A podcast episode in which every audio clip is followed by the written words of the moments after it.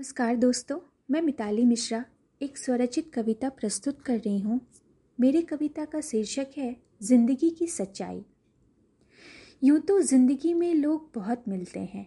यूँ तो ज़िंदगी में लोग बहुत मिलते हैं। पर मोहब्बत पर मोहब्बत बस उन्हीं से होती है, जो दिल के करीब होते हैं। कहने को तो हर कोई अपना बताता है। कहने को तो हर कोई अपना बताता है। पर वक्त से बड़ा कोई गवाह नहीं, जो अपने और पराए का फ़र्क बताता है। लोगों का मेला तब तक आपके साथ है। लोगों का मेला तब तक आपके साथ है, जब तलक आपका वक्त आपके साथ है। जिस दिन वक्त की बेवफाई आपसे हो जाए, यकीन मानिए, जो मेला आपके साथ थी, वो कहीं और दिखेगी। ज़िंदगी का दस्तूर है। तुम खुश हो तो लोग तुम्हें और खुश करेंगे।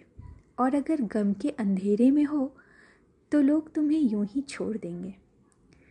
तो बेहतर यही है कि हम खुद के साथ रहें, खुद से प्यार करें, क्योंकि जब आप खुश होंगे, तभी ये ज़िंदगी आपसे खुश रहेगी।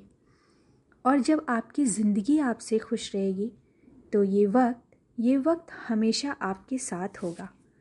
धन्यवाद।